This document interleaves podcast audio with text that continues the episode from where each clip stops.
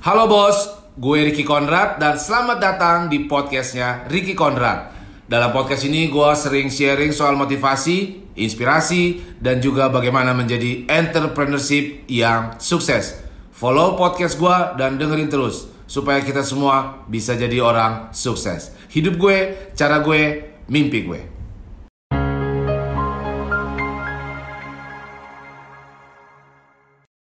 Bagaimana lu bisa lulus kuliah itu dengan nilai yang bagus atau memuaskan lu? Jika lu pulang kuliah main. Jika lu pulang kuliah tidur. Nah, hal-hal yang gak lu suka itu seperti apa? Ya jangan tidur dong. Anak masih orang masih muda mah, anak muda mah tidurnya 3 jam aja, 4 jam aja, Bro.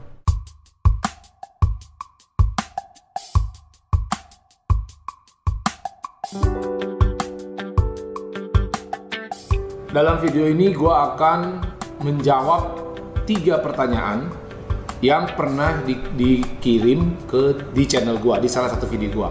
Jadi ada tiga video yang gue pilih untuk gue jawab pada kesempatan ini. Yang pertama, video dari Malik Lamela, dia ngomong gini, jika lo melakukan yang gak lo suka, lo akan sukses. Mas bro, tolong dijawab ya, apa benar? Oke, kaitannya yang gue bilang melakukan yang gak lo suka adalah kaitannya soal disiplin. Adalah kaitannya soal hari-hari lo. Hari-hari lo bagaimana? Gue ambil contoh begini. Seringkali ya, gue ngelihat orang-orang, ya kan, kalau udah menjelang hari Senin tuh, hari pertama kerja, mereka tuh hari Minggunya dari dari minggu sore atau dari minggu siang bahkan lagi main-main sama temennya dia udah bete tuh. Aduh rese besok udah senin kerja lagi. Nah yang kayak gitu-gitu tuh itu nggak lo suka senin. Tapi kalau bisa lo lawan maka lo akan sukses. Sesimpel itu. Contoh lagi lo mesti lo mesti sempatkan diri lo untuk menambah knowledge lo untuk menambah pengetahuan lo. Ya bagaimana lo bisa naik naik jabatan misalnya lo kerja di kantor atau misalnya lo kuliah bagaimana lo bisa lulus kuliah itu dengan nilai yang bagus atau memuaskan lo jika lo pulang kuliah main. Jika lo pulang kuliah tidur. Nah hal-hal yang gak lo suka itu seperti apa? Ya jangan tidur dong. Anak masih orang masih muda mah anak muda mah tidurnya 3 jam aja 4 jam aja bro. Ketika lo mampu melawan diri lu untuk melakukan hal-hal yang tidak lu suka atau hal-hal yang berat, maka lu akan sukses. Jadi kesimpulannya sukses itu sederhana. Sukses itu sebuah perjalanan. Kita nggak tahu satu minggu lagi atau besok atau satu bulan atau tujuh tahun atau lima tahun, tapi pasti sukses. Persoalannya adalah sukses itu harus lo capai dengan disiplin, dengan memaksakan diri lo untuk melakukan hal-hal yang tidak lo suka, hal-hal yang berat buat lo. Kita semua punya hal-hal yang berat, biasakan lawan itu dan lo pasti sukses. Pertanyaan yang kedua dari Amar Jokes. Dia nulis gini, sangat termotivasi Terkadang yang menjadi kendala adalah omongan-omongan orang. Bahkan keluarga sendiri tidak mendukung dengan apa yang kita pilih. Apa kita, apa kita terlalu keras dan memaksakan kehendak diri? Padahal motivasi dirinya hidup gue, cara gue. Oke. Bicara mimpi, gue menolak untuk negosiasi. Gue kalau udah pengen ini dan memang gue udah pengen banget udah gemetar badan gue udah bergetar hati gue gue pengen mencapai itu maka itu tidak ada negosiasi lagi bos. Even itu keluarga kita even itu omongan-omongan orang. Gue bahas dua hal ini. Soal omongan orang. Pertama kendala adalah omongan-omongan orang. Kenapa mesti mesti pikirin banget omongan orang? Ya sedangkan lu mulai usaha lu diketawain lu gagal lu diketawain. Ataupun nantinya pada saat lu mulai usaha lu akan sukses. Usaha lu maju lu dibilang hoki. Jadi hasilnya jelek pun lu diketawain hasilnya bagus pun lu dibilang hoki. Jadi buat apa lu dengerin omongan orang? Omongan orang tuh gak ada yang bagus. Umumnya gak ada yang bagus saran gue gak usah dengerin dia dan yang kedua soal teman-teman soal lingkungan pilih temen lu yang produktif konstruktif pilih teman-teman yang membangun positif, hal-hal positif. Yang enggak, yang negatif-negatif menurut lu tinggalin aja itu masa masa depan suram itu. Gak usah lu temenin orang-orang yang cuma bisa nyinyir, cuma bisa komen-komen. Dan kalaupun kita sukses pun, kalaupun lu menghasilkan bisnis yang bagus pun, ataupun lu jadi manajer di perusahaan lu, lu pasti dibilang hoki. Ah hoki dia. Ah ini ini ah itu nyinyir terus. Gak usah lu dengerin kayak gitu. Hidup lu kan nggak mau mati kan, buat orang dengerin kayak gitu. Ya kalau mau terserah sih. Terus Bagaimana soal keluarga? Apakah kita terlalu keras dan memaksakan kehendak diri? Poinnya jangan lo lihat dari kalau lo ngomong mimpi itu memaksakan kehendak diri atau dengan kata lain lo melawan keluarga lo, melawan orang tua lo. Gua nggak ngajak itu, Bros.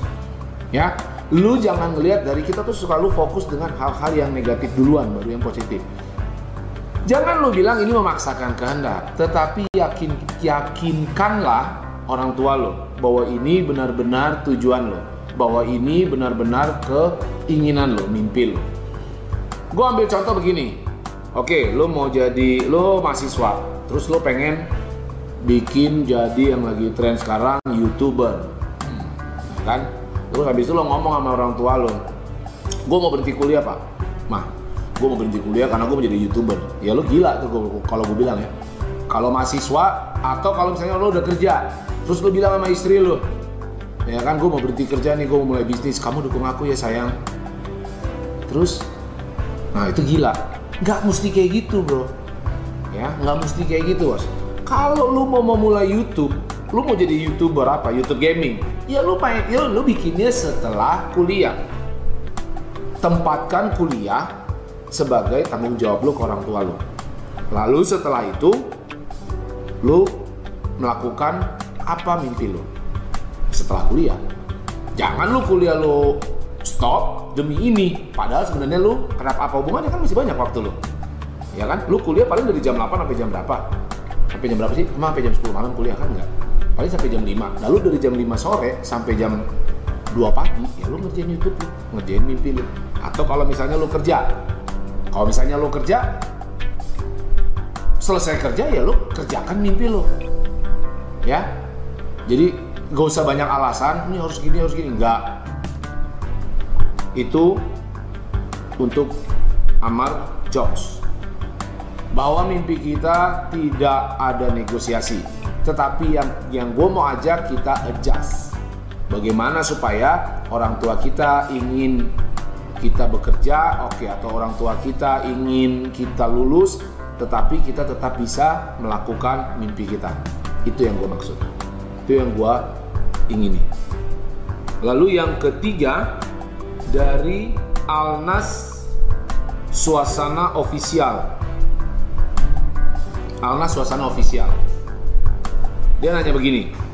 Terus gimana kalau kita ragu mengambil keputusan? Tolong dong kak buatin video menghilangkan rasa ragu dan terbebas dari zona nyaman. Melawan rasa ragu itu banyak video gue soal melakukan sudah gue upload di channel gue. Tapi begini, apa sih yang lo takutin? Kenapa sih lo ragu? Lo takut hasilnya toh? Lo takut nanti hasilnya bagaimana? Ada tiga kemungkinan hasilnya. Kalau gue selalu mikir yang positif baru negatif. Ya, kemungkinan pertama yaitu keputusan ini akan menjadi keputusan yang spektakuler sehingga keputusan yang sesuatu yang hits. Lu bilang keputusan ini dan dan sukses keputusannya. Maka hasilnya lu akan terbang bebas. Lu akan bangga karena mimpi lu tercapai betul? Itu yang kemungkinan pertama. Yang kedua keputusan ini ada salahnya sedikit tapi jangan kita mikir salahnya sedikit ada benernya juga sedikit. Jadi let's say 50% salah 50% benar. So sebenarnya kenapa lu mesti takut ngambil keputusan? Kalau cuma ada ada ada salah sedikit ada benar sedikit ya lu tinggal cari tahu tinggal perbaiki kesalahannya. Kan tidak ada. Apakah ada? Apakah pernah kita diajarin mengambil keputusan yang 100% benar? Kalau ada udah laku tuh orang. Dukun apa gimana tuh yang keputusan nomor dua atau yang ketiga ini yang paling pahit yaitu keputusan lo menghancurkan segalanya yaitu keputusan lo bikin lo gagal. Tapi sebenarnya begini loh, segagal apa sih? Mau gagal atau mau tidak gagal, kalau ini memang sudah mimpi lo, ya, lu pasti akan dimampukan untuk bangkit. So sukses itu adalah salah satunya juga cara kita menemukan alasan di setiap hal yang sulit, di setiap kesalahan kita. Cara kita memperbaiki diri setiap ada keputusan-keputusan yang salah. Tidak ada tidak ada orang yang sukses tidak pernah salah. Tidak ada. Yang ada orang yang sukses itu sering salah tetapi dia mampu bangkit di setiap kesalahannya dan belajar. Bangkit dan belajar. Jangan cuma mikir-mikir aja. Jangan cuma duduk-duduk aja di tempat ngopi cuma ngomongin orang. Ngomongin orang, oh dia hebat udah sukses. Syukur kalau lo bilang hebat. Wah, dia hoki ya kalau udah sukses. Memang dasar hoki aja dia tuh. Nah, itu hilangkan dari dari pikiran kita. Ambil keputusan yang sudah lo pikirkan. Tentu lo ada perhitungan-perhitungan lo. Ambil keputusan. Makin lama ketika lo bisa bangkit dari setiap kesalahan lo, makin lama makin lama keputusan lo akan semakin tajam. Keputusan lo akan semakin akurat. Yang tadinya keputusan lo goblok banget, menjadi keputusan lo menjadi lumayan goblok, lumayan pinter dan akhirnya keputusan yang hebat. Bangkit atas segala kesalahan lo, belajar dari kesalahan lo. Yang pasti tidak ada keputusan yang selalu benar. Thank you bos, kita sudah bahas tiga pertanyaan yang ditanyakan. Dukung terus channel ini. Thank you bos.